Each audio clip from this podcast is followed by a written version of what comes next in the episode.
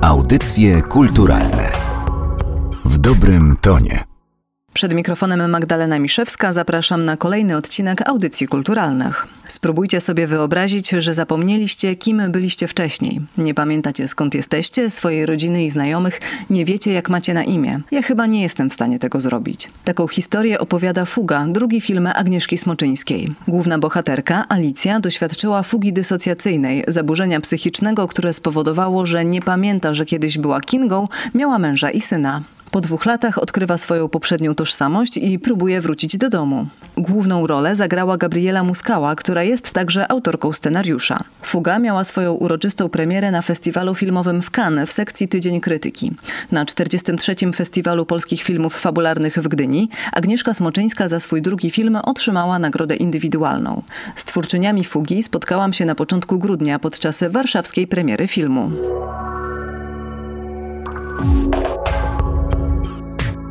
Kiedy my siedzimy tutaj w kinowym korytarzu, w salach tuż za ścianami można oglądać pani najnowsze dzieło, czyli film Fuga, który teraz wyruszył w trasę po Polsce. Widownia międzynarodowa mogła obejrzeć go w Cannes, widownia w Polsce podczas festiwali filmowych, między innymi w Gdyni. Niedługo będą mogli obejrzeć ten film wszyscy, którzy po prostu wybiorą się do kina. Zastanawiam się, ile razy pani ten film już widziała. Oj, powiem pani, że na pewno więcej niż kilkadziesiąt, dlatego że takie układki filmu, czyli zmontowany film, ale jeszcze nie udźwiękowiony, jeszcze przed kolor korekcją, to reżyser musi oglądać przynajmniej raz na tydzień, kiedy go montuje. Ten montaż był tutaj wielomiesięczny, a po premierze w Cannes oglądałam go na pewno z 10 razy. A na dużym ekranie? No właśnie tak, na dużym ekranie z 10 razy myślę, że tak by się już uzbierało. Oczywiście po premierze, a wcześniej też oglądałam na dużym ekranie, bo film się zupełnie inaczej ogląda, zupełnie inaczej się opowiada, cały rytm na dużym ekranie, a na małym. Dlatego zawsze jest bardzo wskazane, żeby oglądać film jeszcze zmontowany nie do końca na dużym ekranie. A czy jest jakiś taki moment w Pani pracy, kiedy wie Pani na pewno, że już ten film jest skończony? Czy w takich e, chwilach, kiedy właśnie wchodzi do dystrybucji, kiedy znów jest okazja, żeby na niego spojrzeć, e, wraca taka myśl, że a może jednak coś jeszcze chciałoby się zmienić? Tak, tak. Jest taka myśl, że kiedy oglądam film ponownie już po premierze, to chcę coś zmienić, jak najbardziej. I ja myślę, że to jest dobre, dlatego że ja wychodzę z tej szkoły Andrzeja Wajdy, który mówi, że najwięcej się nauczysz wtedy, kiedy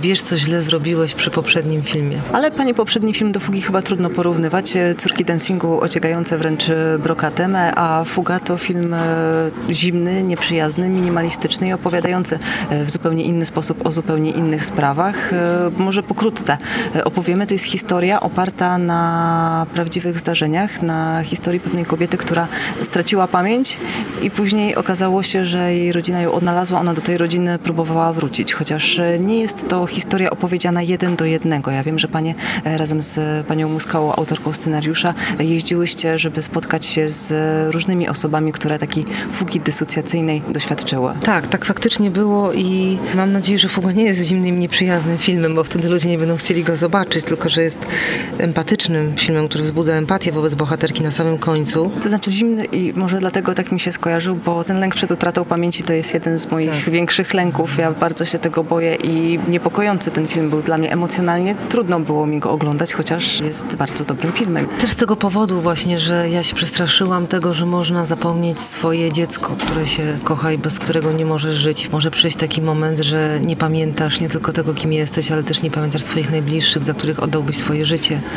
I też, e, co jest bardzo ciekawe e, w przypadku fugi dysocjacyjnej, na którą cierpi Alicja, to, że w przypadku utraty pamięci biograficznej, czyli tego, kim jestem, skąd pochodzę, kim są moi rodzice, co robiłam, gdzie studiowałam, czego się uczyłam, gdzie pracowałam, z tą utratą wiedzy na ten temat też tracimy uczucia do swoich najbliższych.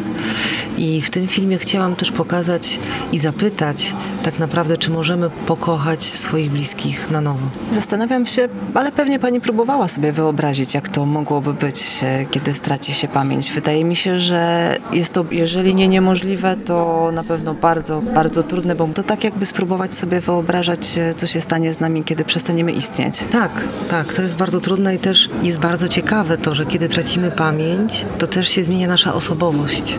Diametralnie, że możemy stać się zupełnie innymi ludźmi z zupełnie innymi charakterami. I obie te osobowości będą prawdziwe, bo nie można powiedzieć, że wrócimy do siebie wtedy, kiedy sobie siebie przypomnimy, bo przecież od tego momentu, kiedy siebie nie pamiętamy, to wciąż jesteśmy sobą. Tak, ale to też jest pytanie o to tak naprawdę, co konstytuuje naszą tożsamość, co jest odpowiedzią na to, kim jesteśmy. Dlatego, że w momencie, kiedy możemy jednego dnia stracić pamięć i stać się zupełnie innym człowiekiem, to okazuje się, że ta nasza tożsamość, czyli odpowiedź na to, skąd pochodzę i kim jestem, jest płynna.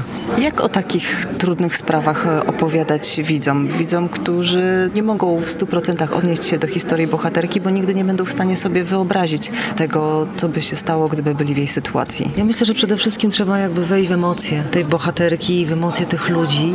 Ja jako reżyserka sobie to wyobrażałam, e, razem z aktorami i też z operatorem. Jakbym zareagowała i co by się stało, gdyby mi się to przytrafiło, gdyby to się przytrafiło mojej rodzinie. I tak naprawdę wydaje mi się, że najważniejsze jest to, żeby po prostu wciągnąć widza emocjonalnie w historię. Kamera jest jakby takim obserwatorem, takim cichym obserwatorem.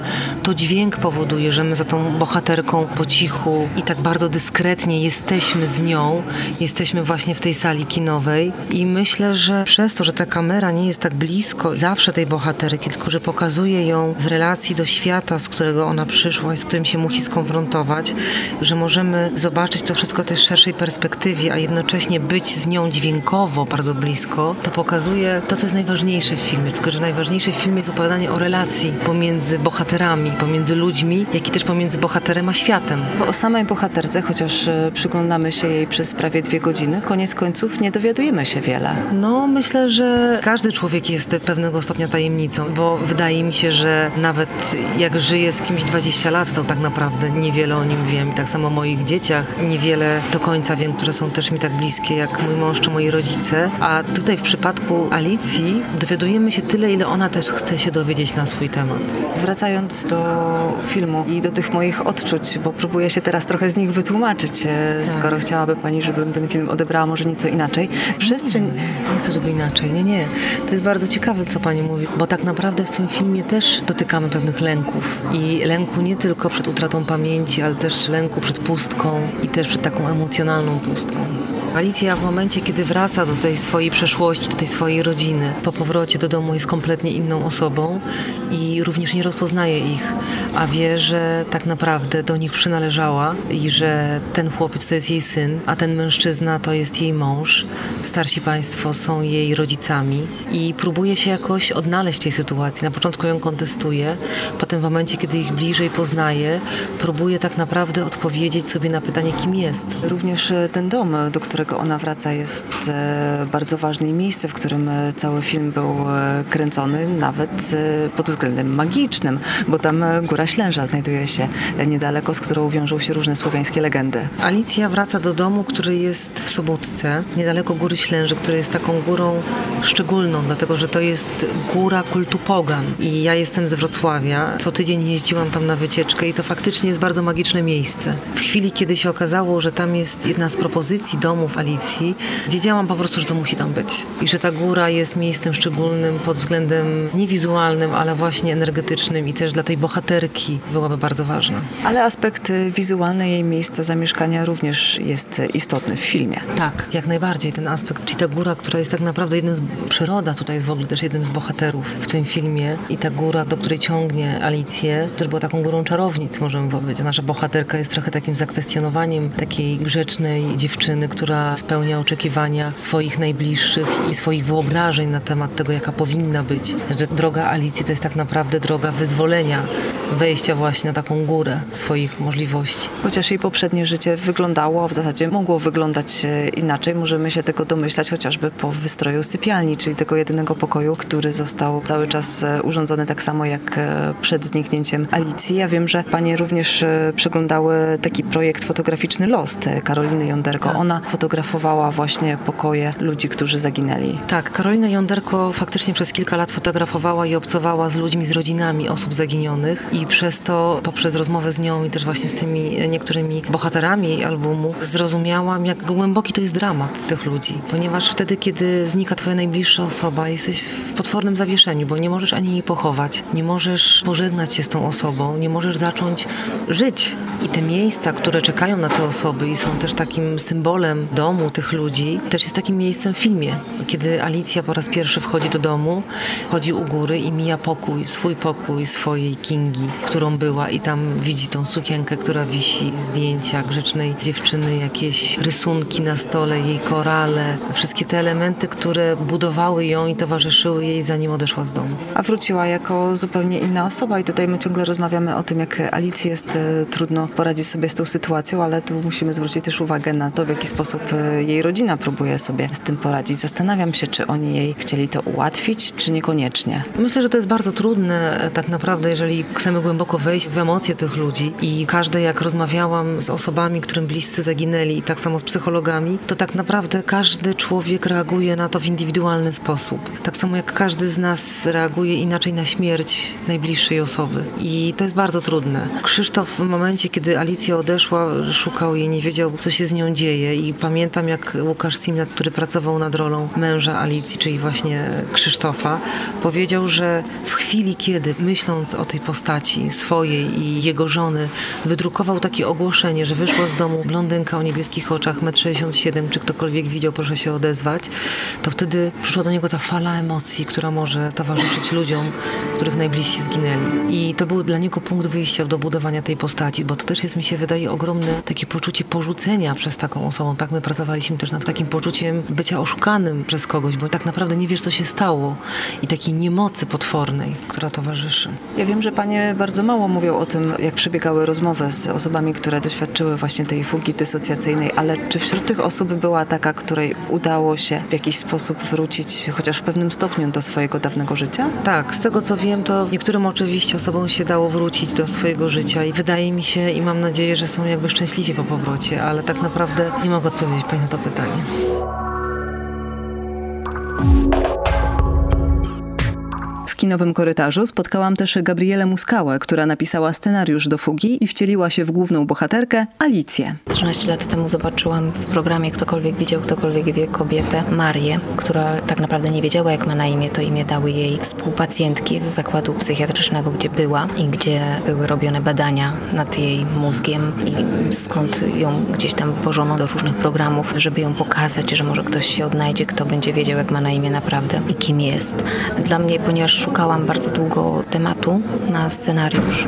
Tutaj znalazłam, widząc kogoś, kto ma oczy dziecka, kto jest zdziwiony wszystkim, co jest naokoło, jak dziecko, jednocześnie jest absolutnie normalnym, dorosłym człowiekiem. To było coś tak niesamowitego dla mnie. To jej zdziwienie, kiedy się dowiedziała, bo zadzwonił pan i powiedział, że jest jej sąsiadem i że ona ma męża i dwójkę dzieci. Taki szok dorosłej kobiety, która dowiaduje się, że jest matką i że za nią gdzieś tam jest jakaś przeszłość i jakaś odpowiedzialność ją czeka, którą będzie musiała podjąć mimo że jest już zupełnie innym człowiekiem. Będzie musiała siebie zbudować na nowo. No było jakimś takim impulsem niesamowitym dla mnie, bo bardzo mnie interesuje pamięć, tożsamość. Ja piszę sztuki z moją siostrą Moniką Muskałą od wielu lat, które właśnie dotyczą pamięci i tożsamości. I tutaj znalazłam ten temat jeszcze pokazany w inny sposób, a jednocześnie też temat rodziny i macierzyństwa, który też jest mi bliski, bo jestem matką i kiedy zobaczyłam tę kobietę, mój syn miał 10 lat. Więc to był 2005 rok, jak ją zobaczyłam i później przez dwa lata rozwijałam ten projekt, szukałam jakiejś takiej drabinki, jak ja bym chciała to opowiedzieć. No i po dwóch latach spotkałam Agnieszkę Smoczyńską, z którą robiłam jej film, grałam u niej w trzydziestce Aria Diva i po premierze opowiedziałam jej o tym pomyśle. Jej się oczy zaświeciły i powiedziała, że bardzo chce to zrobić, chce to wyreżyserować i gdzieś tam poczułam od początku, że to jest temat również jej bliski, że ją interesuje. Kiedy zaczęłyśmy rozmawiać o tym, jak to mogło się w ogóle stać, że ta kobieta straciła pamięć, jak to się mogło stać, że można zapomnieć własną rodzinę, a przede wszystkim własne dziecko, coś, co jest tak niesamowicie głęboko w każdej kobiecie, macierzyństwo, miłość do dziecka, co się musiało tam wydarzyć, że ona zapomniała tę miłość, te uczucia i w ogóle fakt, że jest matką. No i zaczęła się nasza współpraca. Myśmy razem robiły research, jeździłyśmy po całej Polsce, spotykałyśmy się z psychiatrami, odwiedziłyśmy panią Marię. Bo to było tak, że ta Maria nie wiedziała, jak ma na imię. To imię, jak już powiedziałam, dały jej współpacjentki ze szpitala psychiatrycznego, ale kiedy zadzwonił ten pan, powiedział, pani Maria ma na imię Maria i jest moją sąsiadką, więc okazało się, że one gdzieś tam intuicyjnie trafiły,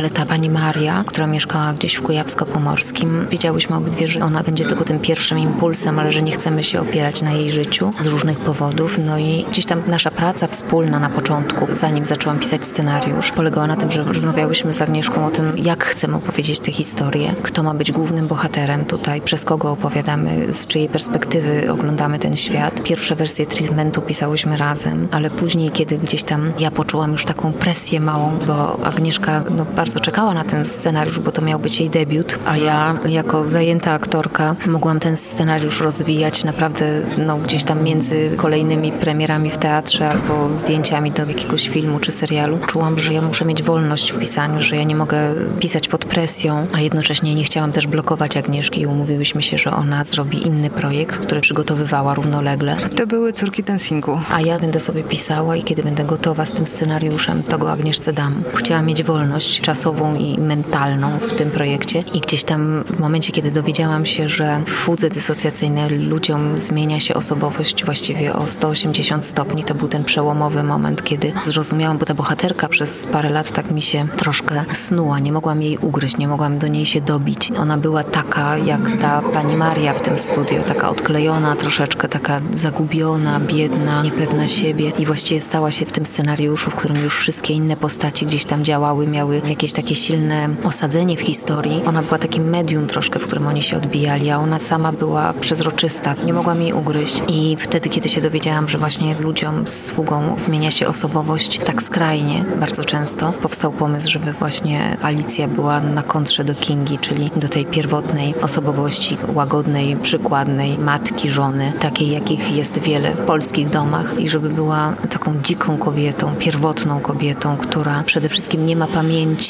o tych wszystkich rzeczach, którymi się obudowujemy, kiedy zaczynamy dojrzewać, kiedy najpierw w domu coś nam się zabrania, coś nam się nakazuje i później w szkole tak samo. I było to dla mnie bardzo kuszące, bo zdałam sobie sprawę, że my rzeczywiście nie tylko kobiety, ale w ogóle ludzie rodzimy się dzicy, wolni i w procesie dojrzewania gdzieś tam wiele rzeczy w sobie blokujemy, bo tak wypada, bo tak trzeba, bo tak nie wolno i później już nawet nie wiemy, co tak naprawdę jest naszą prawdą, naszym ja i bardzo często zamiatamy pod dywan różne problemy, które mamy, nie wiem, w małżeństwie czy w innych relacjach. Nie rozmawiamy o nich, bo się boimy, bo jesteśmy wygodni. Lepiej o tym nie mówić, co nas naprawdę boli w nas, czy w partnerze, czy w innych bliskich nam osobach. No i później z tego wynikają takie no, tragedie, że ludzie żyją w jakichś związkach, w których muszą przybierać maski, a Alicja tych masek nie ma. Jest po prostu taka, jaka jest i nikogo nie udaje, nikomu nie musi się przypodobać, nie chce nawet, nie zabiega o to, żeby być lubianą. I to mnie bardzo fascynowało w tej postaci, żeby się do niej dobić, żeby ją tak skonstruować. Oglądając film zastanawiałam się, czy Alicja chce, żeby ta pamięć jej wróciła, czy ona próbuje w jakiś sposób wrócić do tego dawnego życia, czy może chce je poznać, sprawdzić jak to było, ale żeby wracać, to tutaj ta droga była już dla niej zamknięta. Ona nie chce, na pewno na początku absolutnie nie chce, ona ma to w dupie, no mówiąc wprost, co myślą o niej najbliżsi i czego od niej w ogóle chcą i myślę, że dopiero w momencie, kiedy gdzieś tam w wyniku jakiegoś flashbacku, jakiegoś zdarzenia z przeszłości, które jak się okazuje doprowadziło do fugi,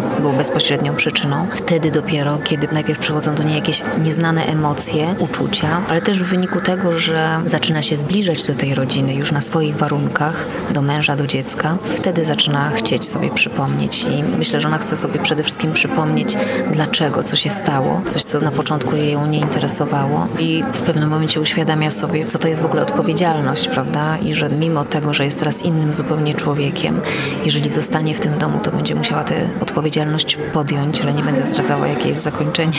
A czy to, że jest się jednocześnie aktorką odgrywającą główną rolę i autorką scenariusza pomaga czy przeszkadza? Ja miałam ten komfort, że ja wiedziałam od początku, że będę grała tę postać i też y, zaplanowałam sobie, że po skończeniu scenariusza wiedziałam, że będzie taki moment, kiedy ten scenariusz będzie gotowy, kiedy znajdę producenta, będzie ten okres przedprodukcyjny i to będzie dla mnie czas, kiedy ja na pewno się zanurzę w jakieś inne swoje projekty i będę miała możliwość zapomnienia o tym scenariuszu, zapomnienia o tym wszystkim, co budowałam do tej pory i zmienienia swojej, że tak powiem, funkcji w sobie, przestawienie się na bycie aktorką. Pożegnałam się ze sobą jako scenarzystką i rozpoczęłam przygotowania do tego projektu jako aktorka po dwóch latach. Zaczęły się spotkania i pamiętam taki moment, kiedy wzięłam ten scenariusz do ręki po tych dwóch latach. Czytaliśmy go z Łukaszem Simlatem, jakieś nasze sceny na pierwszych próbach i pamiętam, że miałam taką myśl, o tu bym sobie wykreśliła a to jakoś tak dziwnie, nie leży mi to w gębie, jak to się w naszym slangu aktorskim mówi. To można zagrać, nie trzeba tego mówić. I nagle mówi, Boże, przecież to ja to napisałam. Potraktowałam ten tekst jako obcy tekst, który do mnie przyszedł i to było coś, co mnie bardzo ucieszyło. Ze scenariuszem łatwo się było Pani pożegnać, a czy z postacią Alicji po zakończeniu pracy nad filmem? Ja czuję, że ta Alicja bardzo dużo mi dała. Nie tylko jako debiutującej scenarzystce, gdzie myślę, że bardzo się rozwinęłam w świadomości jakby na czym polega, czym się jest scenariusz na tej całej matematyce i konstrukcji i tak dalej, ale jako postać podczas rozwijania i podczas prób i na planie wiem to, co Agnieszka dzisiaj powiedziała, kiedy ekipa była przedstawiana publiczności, że my jesteśmy zupełnie innymi osobami teraz niż na początku tego projektu. Ja też to czuję, że jestem inną osobą i dużą rolę odegrała tutaj Alicja.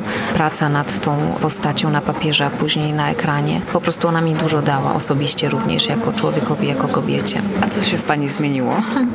To są takie bardzo intymne pytania, ale myślę, że jakby tak najogólniej mówiąc, ja zawsze też byłam taką, jestem nadal, chociaż mój syn już jest dorosły, ale jestem typową, może nie tak skrajnie matką Polką, ale jestem taką osobą, która gdzieś tam ma w trzewiach taką potrzebę. Pewnie to odziedziczyłam po mojej mamie, która jest bardzo opiekuńcza, bardzo ciepła i dbająca o dom. Ja też to mam w genach, że najczęściej myślę o tym, jak ktoś się czuje ze mną, czy jemu jest ze mną dobrze, a dopiero później o tym, jak ja się czuję. I zdałam sobie sprawę, że gdzieś tam nauczyłam się tego, nauczyłam się też asertywności i nauczyłam się tego, że myślenie o sobie nie jest egoizmem. Audycje kulturalne w dobrym tonie.